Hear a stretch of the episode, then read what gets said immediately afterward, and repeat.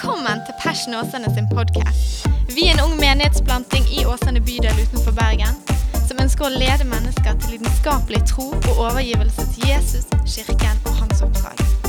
Takk for at du lytter til vår podkast, og vi håper du blir oppmuntret og utfordret i din etterfølgelse av Jesus. Hallo! En glede at du lytter inn eh, til denne podkasten fra Passion Åsane. Og eh, på søndag som var 7. juni, så hadde vi den første gudstjenesten etter ganske mange måneder uten at vi har kunnet møttes. Og eh, så skjedde det som er enhver forkynners mareritt, nemlig at opptaket fra søndag det ble slettet. Så jeg er nødt til å spille inn preken på nytt. Det er samme budskapet, og forhåpentligvis med samme moment og trøkk på, selv om jeg ikke har respons fra salen. Men uansett, takk for at du lytter inn, og jeg tror at du skal få lov til å oppleve å få et ord fra Guds ord som kan være med å styrke deg i ditt liv og i din hverdag. Så all right, la oss gå i gang. Du, teksten som vi prekte ut ifra på søndag, er fra andre kongebok, det sjette kapittelet og åttende verset til det 23. verset. Og eh, for de som ikke helt vet hvor kongebøkene er, så har vi først eh, de fem Mosebøkene, der Moses skriver og forteller om vandringen ut fra Egypt, om urhistorien og ikke minst om alle lovene og budene som israelsfolket fikk. Derav ble de kalt de fem Mosebøkene, men òg lovbøkene. Og Etter det så har du Josfas bok, som forteller om når israelsfolket kom inn i det lovede landet. Og etter Josfas bok så er det Dommernes bok, som forteller om ulike dommere som styrte landet i det lovede landet der de hadde kommet inn. Etter Dommerens bok kommer første og andre Samuels bok. Du får jo nesten en helt sånn innføring i Gamle Testamentet. Men så kommer første og andre Samuels bok, og eh, der møter vi kong Saul. Og så møter vi kong David, og så kommer vi til kongebøkene, som er beretningen om de ulike kongene som israelsfolket hadde, og det begynner med Salomo, sønnen til David. Og i første kongebok så møter vi òg en profet som heter Elia. Og i andre kongebok, der vår tekst er hentet fra, så møter vi hans protosjé, hans trainee, hans lærling, som var Elisha.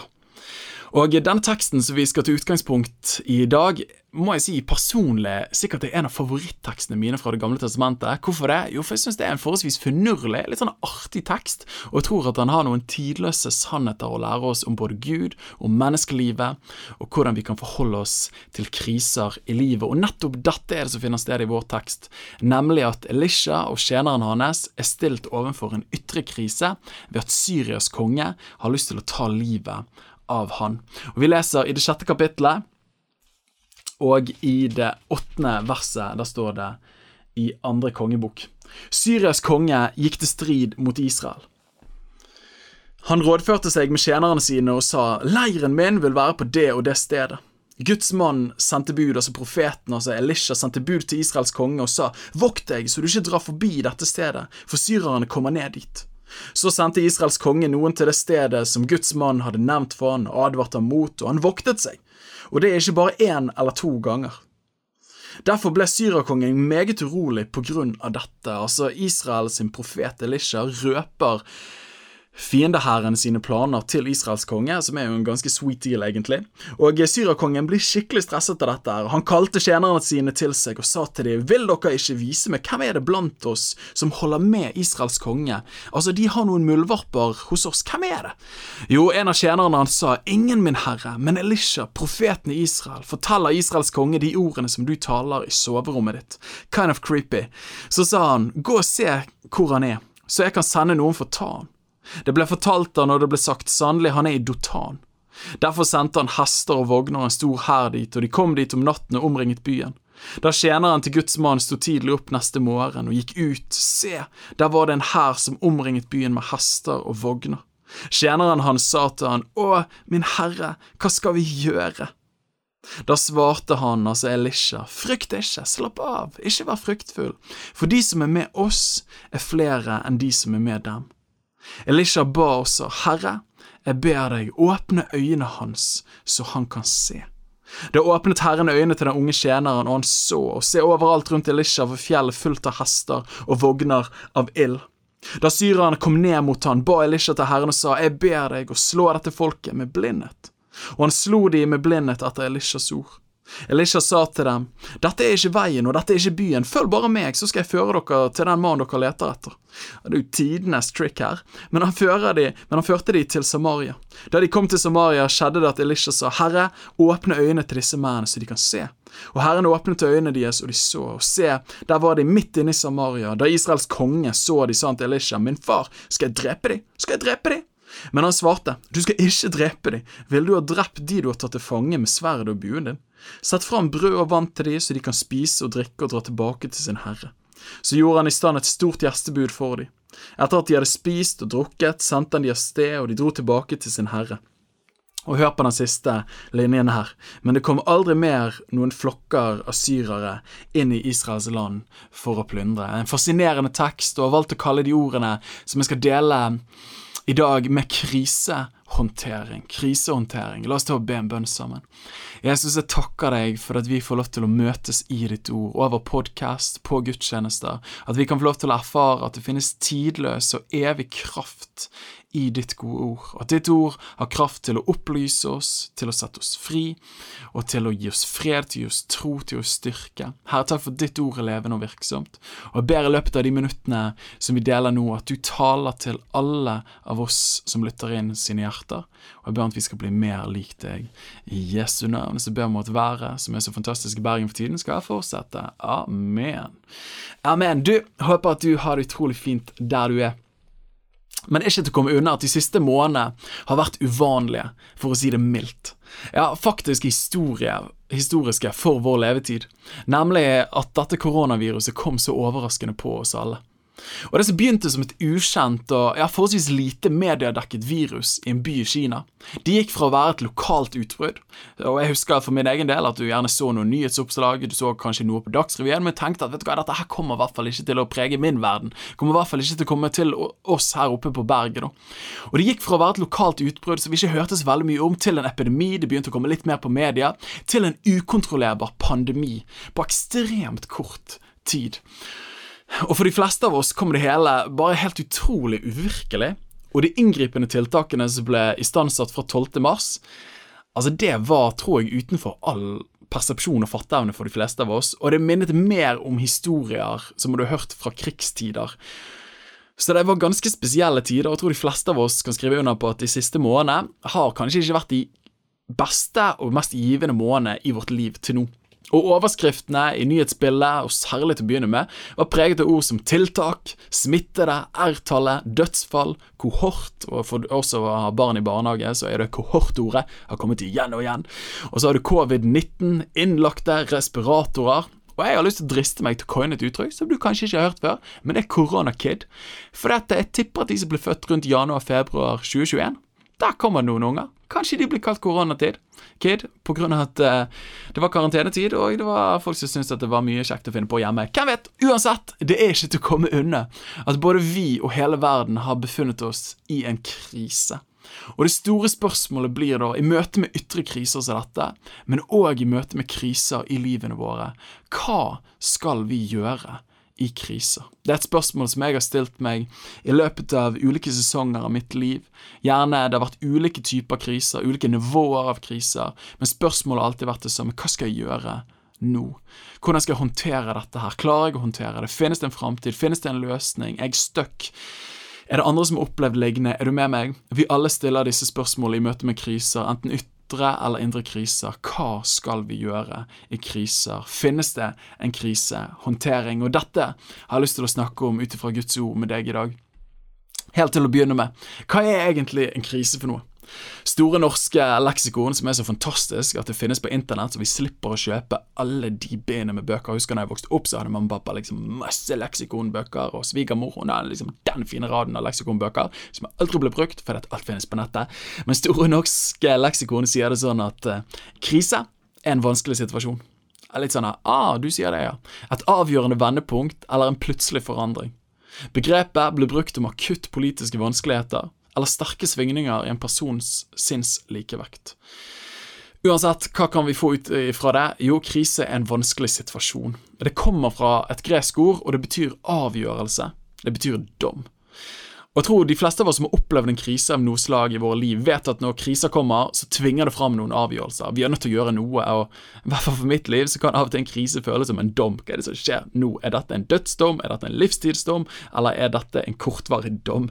Men en krise betyr avgjørelse, dom. og Uansett hvordan du vrir og definerer på det, så tenker jeg at en krise er nok mer enn bare litt motgang og utfordringer, men det er når utfordringene du og meg blir stilt overfor, enten utenfor oss eller inni oss, synes å være større og true evnen vår til å håndtere det vi møter. At det du møter fra utsiden eller innsiden, akkurat som det kommer med flere kilo enn det du klarer å løfte, eller det du er sikker på om du klarer å løfte. Og vi kommer da ofte i krisemodus. Og kriser varierer selvsagt i alvorlighetsgrad. Men når jeg tenkte etter og forberedte denne prekenen, så slår det meg at det finnes noen fellestrekk med kriser. Og det er sikkert flere, men de som var på toppen av mitt hode, var disse her. Det første kriser kommer overraskende. Det er sjeldent i mitt liv at jeg kan si sånn ah, Nå bare vet jeg at i løpet av de to neste månedene så kommer det en krise i livet mitt. Nei, da hadde det gjerne ikke vært en krise, for da hadde jeg vært forberedt på det. Da hadde jeg enten unngått det, eller vært veldig godt istandsatt for å møte det. Nei, men kriser kommer overraskende. Andre kjennetegnet kriser er ikke behagelig. Det er sjeldent Ja, jeg tror jeg aldri har møtt en person som sier vet du hva, det var utrolig fett oppleve denne krisen. Denne samlivskrisen var fantastisk. Nei, ingen syns det er gøy og behagelig med kriser underveis. Kanskje når du begynner å nærme deg enden, eller du begynner å komme ovenpå, og du begynner å se at du mestrer det, så kan det være at det ikke er så veldig ubehagelig, og da kjenner du mestring istedenfor frykt og usikkerhet. Men kriser, det er ubehagelig. Tredje kjennetegnet, kriser tvinger oss til å forholde oss til dem. Det hadde vært veldig fint hvis vi slapp å forholde oss til kriser. Det er ikke tilfellet. Vi er nødt til å forholde oss til dem. Men det betyr òg at vi slipper å være redd på forhånd, fordi at kriser kommer til oss om vi vil det eller ikke. Det fjerde kriser presser oss til det ytterste. Det er ikke en krise hvis det ikke tyner oss til spørsmålet klarer jeg faktisk dette her? Og det femte, kriser godtar ikke vårt nei og vår reservasjon, men det rammer oss alle i løpet av livet. Og Det er litt sånn pessimistisk å si det, men hvis du ennå ikke har opplevd en skikkelig krise i livet ditt, så er sannsynligheten nok ganske stor for at du vil møte det. Men de gode nyhetene skal vi snakke enda mer om i møte med kriser. Og disse kjennetegnene i møte med kriser det er akkurat det som finner sted i den bibelteksten vi tar utgangspunkt i i dag. Syraherren skal ta Elisha, for han røper alle hemmelighetene til kongen. Og kongen er sur, han sender hele hæren for å ta han. Og hva er det som skjer? Jo, tjeneren får øye på denne hæren, for han står tidligere opp enn Elisha. Og hva kjennetegner denne teksten vår? Jo, de kommer overraskende. Tjeneren visste ikke om det, det var ikke behagelig, han ble livredd, og han ble tvunget til å forholde seg til trussel. Presser han til det ytterste. Han vrir alle de små grå. Her trenger vi å finne en løsning. Hvordan? Og han venner seg til den eldre Elisha. Og det er ikke sånn at de godtar et nei, denne hæren, heller. Så disse fem kjennetegnene med kriser treffer midt inn i teksten her. Og når jeg reflekterer rundt dette fenomenet kriser, så blir det for meg bare enda mer tydelig at kriser, det er en del av livet, om vi vil det eller ikke. Og fra mitt liv så kan jeg tenke meg flere større og mindre kriser. Husker jeg andre klasse. På barneskolen så flyttet familien min fra ett sted til et annet, og jeg kom inn i en helt ny klasse, jeg måtte få nye relasjoner. Det var en krise for meg. Jeg trengte å bygge nye vennskap, en masse gamle vennskap. Jeg ble usikker, min, min trygghet, mitt selvbilde og min selvfølelse ble prøvd. Det var en krise. Første klasse på videregående så hadde jeg hatt en venn som betydde mye for meg gjennom ungdomsskolen, som overraskende gikk bort pga en hjertefeil i begynnelsen av første klasse. Det var en krise. Hvordan forholder jeg meg til dette her? Til i møte med 20-årene å møte angst, og i møte eksistensielle spørsmål. Hvem er jeg? Hva skal jeg med livet mitt? Kommer jeg til å mestre dette livet? Og så videre. Det har vært en del kriser. Men en av de store gledene for mitt liv har vært å få lov til å, å bore dypt i Bibelen og få lov til å ha en tillit til Jesus. Men når jeg har vært i Guds ord gjennom årene og, og i møte med dette budskapet som jeg tror har blitt lagt mitt hjerte for oss som kirke, og for alle andre i denne tiden her, så slår det meg at hele bibelfortellingen er jo egentlig en stor fortelling om mange kriser. Bare hør på det her. Abraham og Sara de kunne ikke få barn. Ok, det er en temmelig krise for mange. Josef ble solgt av sine brødre i slaveri til Egypt. Det er en krise. Jødefolket lever som slaver i flere hundre år i Egypt. I Dommerens bok leser vi om midjanitter og filistre som plager jødefolket og undertrykker dem. Det er en krise. Goliat og filistrene truet Israel. Jødene ble ført i eksil til Babylon. Haman i Esters bok ville utrydde alle jødene. Jobb mista alt. Altså, Har du lyst til å, lese om en krise, gå inn i Jobbs bok, liksom, men du er nødt til å fullføre, hvis ikke blir du veldig deprimert. Salmene er ofte en stor eh, en stor klage over alle krisene og lidelsene i livet til David og mange flere. Vi leser om Daniel i løvehul. Det er en personlig krise. Hvis du blir truet med å kaste i en løvehule av løver som har lyst til å spise deg, jeg påstår at det er en ganske stor krise. Shadrach, Meshach og Abnego, som var hans kompiser, de ble kastet i en ildovn. Altså, folkens, det er så mange kriser i Bibelen. 400 år med stillhet fra Gud mellom GT og NT, mellom siste profeten i Gamle Testamentet, Malaki, til Matteus-evangeliet, så snakker vi i 400 år der de ikke hørte noe fra Gud. Det var ingen profeter, det var ikke noe åpenbaring. Folk må jo ha begynt å stille spørsmålet hvor er du, Gud? Og jeg vet for mitt liv, og for mange andre, at går det liksom ja, fire dager uten at man opplever at Gud har sagt noe, eller noe sånt, så tenker man 'Gud, hvor er du?' 400 år, tenk på det. Herodes ville drepe Jesus bare når han var født, det er en krise. Folket ville steine Jesus. Peter ble fengslet og skulle henrettes av Herodes. Paulus ble steinet. Paulus og Silas i fengsel. Paulus lider skipsbrudd. Er du med meg? Listen kunne fortsatt for evig, og vi kommer bare ikke unna det. Sorry to say it, men kriser er en ufravikelig del av livet. Og jeg syns Elisha sin tjener uttrykker vårt gjentagende spørsmål i møte med alle kriser så utrolig bra. Vi leste i det 15. verset i det sjette kapittelet. Da tjeneren til Guds mann sto tidlig opp neste morgen og gikk ut. Se, der var det en hær som omringet byen med hester og vogner. Tjeneren hans sa til han, Å, min herre, hva skal vi gjøre? Og vi kan jo nesten parafrisere det og når vi møter krevende ting på utsiden og på innsiden Å, Herre, Herregud, og det er lov til å si når du ber. Å, Herre, hva skal jeg gjøre? Og tjeneren uttrykker bare et tidløst rop i møte med kriser og vanskeligheter. Hva skal vi gjøre? Og er ikke det nettopp dette krisa gjør med oss? At det sitter oss i en posisjon at vi blir svar skyldig. At vi bare ikke vet hva vi skal svare. For hadde jeg visst det, så hadde ikke det vært en krise. Men en krise virker større enn mine ressurser til å håndtere det. Derfor er det en krise. Jeg elsker responsen til den mer erfarne og rolige Elisha, som har vært ute noen vinternetter før, som har vandret gjennom noen ulike sesonger i livet, som svarer sin nervøse skjene og sier du, frykt ikke. Altså, vær ikke redd, for de som er med oss, er flere enn de som er med dem. Og Vi kan nesten bare stoppe og campe litt med det utsagnet der, men jeg elsker essensen i det han sier der. Og av og til i livene våre så trenger vi, når vi går gjennom kriser, når vi går gjennom krevende sesonger av vårt liv, så trenger vi de personene som er eldre enn oss, de folka som har vandret litt flere år, de folka som har møtt litt flere utfordringer, som har en litt større og sterkere tro, som har landet på en stabilitet og en hvile i livet som vi ennå har til gode å møte. Og når de da sier, vet du hva, det du møter er skremmende, jeg har vært der på et vis, jeg òg, men vet du hva? Det kommer til å gå fint. Frykt ikke. Og det var noen som sa det sånn at gjennom hele bibelboken så finner du frykt ikke, vær ikke redd, ikke vær bekymret, til sammen 365 ganger i ulike former. Og det er akkurat som Gud har lyst til å si til menneskeheten til alle tider, og si at jeg vet at frykt er kanskje den største hovedutfordringen du kommer til å møte i ditt liv. Så kan det være at du tenker ja, men er det tilfellet, da? Ja, jeg vil faktisk påstå at frykt er nok en av grunnkreftene og utfordringene vi står overfor. At er, folk, en er en person veldig sint, så bunner det ofte i at den personen er veldig redd. Er en person plaget med et lavt selvbilde, så er det ofte frykten for at at jeg ikke kan tro så høyt om meg sjøl, eller frykten for tanker som er negative. Så frykt er en grunnkraft, en negativ kraft, som preger vårt sinn, vår sjel, våre liv, og da våre valg og våre relasjoner i stor grad. Men så sier Alisha til sin tjener, han sier du, vær ikke redd, for de som er med oss, er flere enn de som er med dem. Og Det er et fantastisk løfte til oss som følger Jesus, at når du vandrer med Gud, uansett hvilke utfordringer, uansett hvilke, hvilke navn du måtte bære, den krisen eller de problemene som du måtte møte. Vit at Gud sier til deg gjennom alle tider, på alle steder, uansett situasjon, så sier han frykt ikke, vær ikke redd.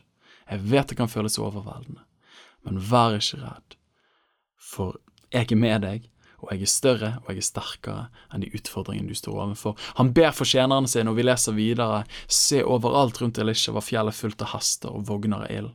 Og når syrerne prøver å angripe, så slår Gud dem med blindhet, og Elisha vinner en stor seier, og vi leser i sluttbemerkingen, men det kom aldri mer noen flokker av syrere inn i Israels land for å plyndre. Og Denne historien viser oss vakkert hvem Bibels Gud er, og hvem vi setter vår lit til når kriser, motgang, usikkerhet inntreffer. Og de gamle kirkefedrene pleide å si på latin Deus semper major. Gud er alltid større. Gud er alltid større. Ja, bare hør på de ordene der, mediter på de ordene, i møte med dine utfordringer, i møte med dine spørsmålstegn, i møte med områder av livet som er smertefullt. Bare ta de tankene, den sannheten med inn der. Ok, men i møte med denne angsten, i møte med dette tungsinnet, i møte med denne relasjonen, i møte med den jobbsituasjonen, i møte med familiedynamikken Dette er vanskelig, men Gud, du er alltid større. Å, folkens, jeg kjenner jeg blir giret. Nettopp dette er det kristnes håp og frimodighet, nemlig at uansett livssituasjon, uansett kontekst, uansett omstendighet, så er Gud alltid større. Større enn krisen med korona og ikke minst diskriminering og rasisme som verden står overfor i denne tiden, større enn krisene som Europa står midt oppi, større enn krisene Norge står overfor, større enn krisene i vår by, større enn krisene i vår familie, ja, større enn krisene i mitt personlige liv, ja, Gud er større. Og venner, nå preker jeg til dere. Og selv om jeg sitter her alene og prekte dette på søndag, så kjenner jeg det er trykk på disse tingene her. For Bibelen viser oss gang på gang for, for enhver krise så har Gud et tiltak. For enhver motgang har Gud en mulighet og et motsvar. Ja, for enhver lidelse og låsning har Gud en løsning. For ethvert spørsmål har Gud et svar. For enhver undertrykkelse har Gud et under. For enhver binding så har Gud et gjennombrudd. Dette er den Gud vi får lov til å tilhøre. Dette er den Gud vi får lov til å tro på. Ikke en Gud som er truet av våre omstendigheter, ikke en Gud som er bøyd under våre utfordringer, men en Gud som er større, en Gud som er mektigere. Ja, husker du den listen med kriser som jeg nettopp nevnte? Men bare se på bibelhistorien. Ja, det er en historie om mange kriser, men mer enn det så er det en historie om mange inngrip og tiltak av Gud midt i våre kriser. Abraham og Sara kunne ikke få barn. Gud gir dem mirakelbarnet Isak. Josef ble solgt av sine brødre. Han ender opp med å redde hele regionen Egypt og egen familie fra sult og hungersnød. Jødefolket lever som slaver. Gud reiser opp Moses, åpner Rødehavet og gir dem et eget land. I Dommernes bok leser vi om midjanittene og filistrene som plager jødefolket. Gud reiser opp Gideon til å slå midjanittene og Samson til å slå filistrene. Er du med meg? Gud har alltid et tiltak i møte med kriser. Goliat og filistrene truer Israel. Gud reiser opp David, og det blir den seieren. Jødene ble ført i eksil til Babylon og var der lenge, men Gud sender profeter og leder de hjem igjen med Esra og Nehemja. Haman vil utrydde alle jødene, men Gud reiser opp en Mordekai og en Ester. Jobb mister alt, men Gud gir han alt tilbake med renter. Og det er et ord til noen av dere som lytter. At du kanskje har opplevd mange krevende ting i livet ditt. Du opplever at du er på minussiden. Du opplever at du har blitt fratatt så mye av det du hadde. Jeg har et ord fra Gud til deg, og det er at Gud er større. Og jeg tror at Gud kan gjøre en jobb mirakel i livet ditt, at han gir deg tilbake det du hadde, med renter, at du en dag kan si at Gud har vendt det bitre til fred for min sjel, som det står i Isaiah 38, 17. Salmenes bok er en klage over alle krisene og lidelsene, men Gud griper alltid inn med et mirakel på slutten av salmene. Daniel i løvehjul, Gud sender en engel, Shadrach, Meshach og Abenego i loven, Gud beskytter de, og de er helt uskadet. 400 år med stillhet mellom GT og NT, Gud sender de døperen Johannes, og det store klimakset kommer, nemlig Jesus, Gud sjøl kommer. Hvis du opplever du har vært i stillhet lenge, hvem vet, kanskje du er rett rundt hjørnet for det største møtet med Gud, det største gjennombruddet enn du noen gang har hatt. Herodes ville drepe Jesusbarnet. Gud advarer Josef i en drøm. Folket ville steine Jesus. Vi leser flere ganger at han går overnaturlig midt imellom de. Peter fengslet skal henrettes. Gud sender en engel og åpner fengselsdøren foran. Paulus steines, overlever på mirakuløst vis. Paulus og Silas i fengsel. Gud sender et jordskjelv. Paulus lider skipsbrudd. En engel gir et løfte om at de skal overleve. Gud er alltid større. Av og til så gjør Gud et mirakel utenfor deg. Andre ganger så gjør Gud et mirakel inni deg. Jeg har lyst til å si det til deg, men Gud gjør alltid noe. Men jeg skal være den første til å innrømme, og vi skal være ærlige med livet. Ja, vi forkynner tro, og vi har en forventning til at Gud kommer til å gripe inn. Men det er ikke alltid at Guds løsninger kommer A. Slik vi så det for oss. B. Når vi måtte ønske det, og det tror vi alle kan skrive under på. Og C. Og ikke alltid på den måten heller vi så det for oss. Men det at du og meg ikke ser veien i dag, betyr ikke at Gud ikke har visdom til veien videre. Og bare siden du ikke erfarer å ha det nå, så betyr det ikke at du ikke vil få det en dag. Så lenge du og meg lever, så skriver Gud sin historie i og med våre liv. Og jeg tror at Gud, hør på det her, jeg tror at Gud alltid har en vei i våre vanskeligheter, selv om ikke vi alltid våger og klarer å tro det. Men enda mer, og jeg har veldig tro på å snakke ærlig om livet, men enda mer, hvis vi skulle erfare i våre liv og ikke møte Guds under på denne siden av evigheten, så strekker det kristne håpet seg langt inn i evigheten, forbi døden. Peter han skriver på sine eldre dager i første Peters brev, det første kapittelet og det tredje verset. Så skriver han og så sier han 'Lovet være Gud og vår Herre Jesu Kristi Far'. Jeg kan bare se for meg det han har vært igjennom, både av forfølgelse, av medgang og av motgang. Vandret med Jesus. Har vært på death row, skulle bli drept foran folk av kong Herodes. Altså, det har vært så mange klimakser og antiklimakser i livet hans. Og så sier han på sine eldre dager, når han skriver til menigheten, sier han du, folkens, Livet har inneholdt mye, men lovet være Gud. Jeg tilber Gud å være Jesu Kristi Far, Han som etter sin rike miskunn har gjenfødt oss til et levende håp. Hør på det ordet der, til et levende håp. Vi har et håp som lever ved Jesu Kristi oppstandelse fra de døde, til en arv som er uforgjengelig, uten flekker og uvisnelig, som er oppbevart i himmelen for dere. Han sier at du og meg som etterfølgere av Jesus, vi har et håp som ikke er jeg håper at det blir fint vær i morgen, jeg håper at det går fint med fotballkampen, jeg håper at økonomien løser seg inn mot sommermåned, jeg håper Nei, nei, nei, det er antagelser, det er forhåpninger. Men det kristne håpet er noe helt annet. Det kristne håpet er sikkert, det kristne håpet har garanti ved seg. Og hvorfor har det det? Jo, fordi det kristne håpet er et levende håp, for det håpet er personen Jesus Kristus, og han oppsto fra de døde. Han vant over døden, over søen, de største kaoskreftene, de største kreftene som binder og ødelegger menneskeliv på denne siden av evigheten. Jesus vant over dem. Så vi har ikke et håp som er en forhåpning, men vi har et håp som er sikkert, og som er fast, og som når inn til det innerste i det aller helligste, sier hebreeren det sjette kapittelet og 19. verset. Og I 2011 så opplevde min kone og hennes søsken og familien hennes at hennes far gikk bort i en kreftsykdom etter flere år og har måttet kjempet. Og jeg husker fortsatt noe som Helene sa på den tiden som bet seg merke i meg og gjorde inntrykk. Det var at man lett kunne tenke at nå vant kreften. Men jeg husker hun sa at nå måtte kreften gi tapt. Og Det høres jo ut som en litt sånn rar ting å si, men hvorfor det? Jo, kreften måtte gi tapt. For at nå gikk han inn i Guds gode himmel, der det er en arv som er uforgjengelig, uten flekker og uvisnelig der livet seirer, og kreften og sykdommen kunne ikke følge med. Og det er det kristne håpet vi har. Ja, vi tror at Gud gjør mirakler på denne siden av evigheten. Som pastor, som leder i Passion, så har jeg lyst til å stå sammen med alle i vår kirke og med mange andre mennesker og tro Gud for gjennombrudd, og tro Gud for mirakler, og tro Gud for de situasjonene vi kaller for umulige, at Gud kan slette ut den u-en, og så blir det mulig, og han gjør det utenkelige tenkelig. Men hvis ikke vi skulle oppleve at vårt håp på denne siden av evigheten inntreffer, så har vi et levende håp som strekker seg langt inn i Guds fullkomne himmel, til Jesus. Og det som er tingen er at Når denne vissheten ligger i bunnen Ja, Gud gjør så utrolig mange mirakler i vår levetid, og i våre liv, både i og utenfor oss. Men òg så har vi et håp som varer inn i evigheten. Så endrer det fundamentalt hvordan vi forholder oss til kriser når de kommer. Vi er ikke fritatt følelsen og tanken av sjokk, av frykt, usikkerhet, forvirring, tvil. Ja, disse følelsene kan virke overveldende og være utrolig smertefullt i øyeblikket, men midt i alt dette så ligger håpet om at Gud har en vei midt i vanskelighetene.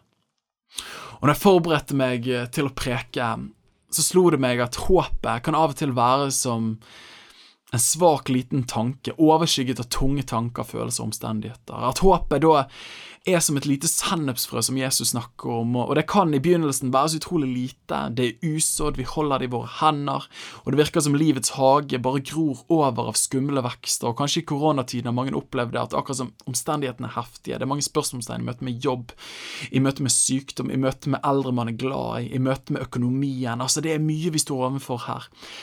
Men når man ikke orker å bære håpet lenger, så er det akkurat som det lille sennepskornet faller mellom fingrene og faller til bakken når man sier 'jeg vet ikke hva framtiden holder', 'jeg vet ikke hvordan jeg skal møte det', 'jeg vet ikke om jeg klarer å, å bære håpet lenger'. Så uten at du vet det, så har sennepskornet landet i jorden, og det skyter noen små, forsiktige røtter ned. og med tiden så vokser det opp til å bli et kraftig tre, og fra at du bærer håpet, så begynner håpet å bære deg, og det ender opp med å bli den største veksten i livets hage, der det gjerne er andre utfordrende vekster, men så ender håpet opp med å bli det største og det sterkeste treet som bærer deg, og som til og med kan bære frukt for andre mennesker sine livshager.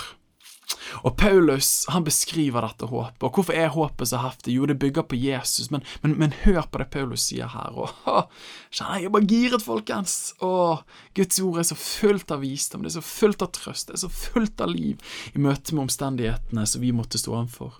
Paulus sier i Romerne det femte kapittel og det tredje verset og de følgende versene, så sier han vi roser oss òg i trengsler. Ja, les kriser der. Vi roser oss òg. Ja, vi er ved godt mot òg i kriser. Ja, men, men hvorfor er du det, Paulus? Jo, for vi vet at kriser virker tålmodighet. Og vi vet at tålmodigheten virker et prøvet sinn. Og vi vet at det prøvede sinnet virker håp. Og håpet gjør ikke til skamme.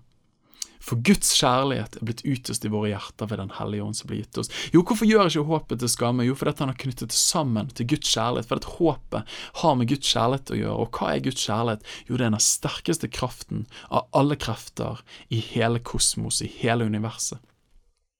Paulus sier det vakkert i det åttende kapittelet av samme brevet. Så sier han for hvem kan skille oss fra Kristi kjærlighet? Trengsel, ja, nok en gang les kriser. Hvem kan skille oss fra Kristi kjærlighet? Kan kriser gjøre det? Nei, ikke sjans. Angst? Nei. Forfølgelse? Nei. Hungersnød? Nei. Nakenhet? Nei. Fare? Nei. Sverd? Nei. Men i alt dette skal vi mer enn seire ved Ham som elsket oss. Ja, bare hør på det løftet. Hvis du går gjennom noe nå, hvis du har gått gjennom noe, så vet du kanskje at det er sant. Hvis du møter noe i framtiden, hør dette her. Men i alt dette, om det måtte være covid-19, om det måtte være rasisme og utfordringer vi står overfor sosialt i våre nasjoner, Vit dette at i alt dette så skal vi mer enn seire. Hvordan? Jo, ved Han, ved Jesus, ved sannheten, ved evangeliet, ved Hans ord, ved Hans ånd. Ja, Han som elsket oss, ja, dypest sett, ved Hans kjærlighet til oss. Og så sier han, og, det, og du merker at Paulus han er bare, han, han improviserer, han er spontan, han er bare full av lidenskap, og han, og som han roper ut gjennom brevet, for jeg er overbevist om at verken døde eller liv, verken engler, myndigheter, makter, verken det som er nå eller det skal komme, verken høyde, dybde eller noen annen skapning, skal være i stand til å skje skille oss fra Guds kjærlighet, den som er i Kristus Jesus, vår Herre. Så hva skal vi gjøre mens vi venter, i håp på Guds inngripen i våre liv? Jo, jeg tror som den bibelteksten vi har som utgangspunkt i dag, Elisha ber for sin fryktfulle tjener. Og så ber han, og så står det i det 17. verset, Elisha ba og sa, Herre, jeg ber deg, åpne øynene hans, så han kan se. Åpne hans øyne, så han kan se. Da åpnet Herren øynene til den unge tjeneren, og han så. Og se over alt rundt Elisha var fjellet fullt av hester og vogner av ild. Jeg tror åpenbaring er faktoren som avgjør om livets kriser ender opp med å bryte oss ned eller å bygge oss opp. Og i krisetider så tror jeg at vi trenger mer enn noen gang å be om åpenbaring for våre hjerters øyne. Sånn som denne tjeneren opplevde, at ikke bare ser man det på ett nivå, oi, nå fikk jeg en sykdomsdiagnose fra legen min. Oi, nå har vi noen økonomiske utfordringer her. Oi, nå står vi overfor noen rasemessige utfordringer i byen vår, i landet vårt, i verden vår. Oi, nå står vi overfor covid-19. At vi ikke bare ser faktaene, men midt i faktaene så kan vi òg oppleve at Gud gir åpenbaring, at Gud kommer inn med perspektiver, at Gud kommer inn med et blikk, ja, at Gud gir, at Gud gir oss sannheter som er større enn faktaene vi erfarer i øyeblikket. Og Min erfaring i møte med kriser fra mitt eget liv er at til å begynne med så er frykten gjerne stor. Men når forståelsen øker, så erstatter freden frykten, og krisen går fra bare å være en byrde til å bli et vitnesbyrd. Og Mange har sagt det litt sånn cheesy, og tror det var en amerikansk president som sa det første gangen, at eh, det kinesiske symbolet for krise består av to tegn, der det ene formidler fare, mens det andre formidler mulighet. Og Det var noen som sa at det ikke helt var presist, men uansett, det stemmer i møte med livets kriser. At vi har ikke alltid kontroll på hva vi møter, men vi kan i stor grad bestemme hvordan vi møter det. Så la oss ikke fornekte at kriser kan være grusomt. Kanskje du står midt oppi en akkurat nå, men jeg har lyst til å hjelpe deg, jeg har lyst til å hjelpe meg til å ufarliggjøre kriser. Siden ofte blir det vondeste og vanskeligste i våre liv til noe av det vakreste ved oss. Og som Paulus sier så utrolig vakkert til etterfølgere av Jesus, og som har gitt håp og trøst til tusener av mennesker gjennom tusener av år. Han sier i det åttende kapittelet og 28. verset i Romerbrevet at vi vet, vi vet, sier han, ikke vi håper eller vi antar, nei, vi vet at alle ting virker sammen til det gode for de som elsker Gud. Så hvis du møter noe tøft nå, og det ennå ikke er godt, så vit det at Gud holder på å jobbe i ditt liv til å gjøre at det vonde og det vanskelige kan bli noe vakkert. Så hva skal vi gjøre i kriser? Jo, vi har sett at kriser er en uunngåelig del av menneskelivet. Men vi tror på en Gud som alltid er større og alltid har en vei midt i våre vanskeligheter. Og mens vi venter, så trenger vi at han gir åpenbaring, for at vi kan se Guds verk midt i krisen. Men jeg har lyst til å avslutte på en litt annen tone. Nemlig at den største krisen, ja, den største pandemien som noen gang har rammet mennesket og skaperverket. Vet du hva? Det leser vi faktisk ikke om i VG.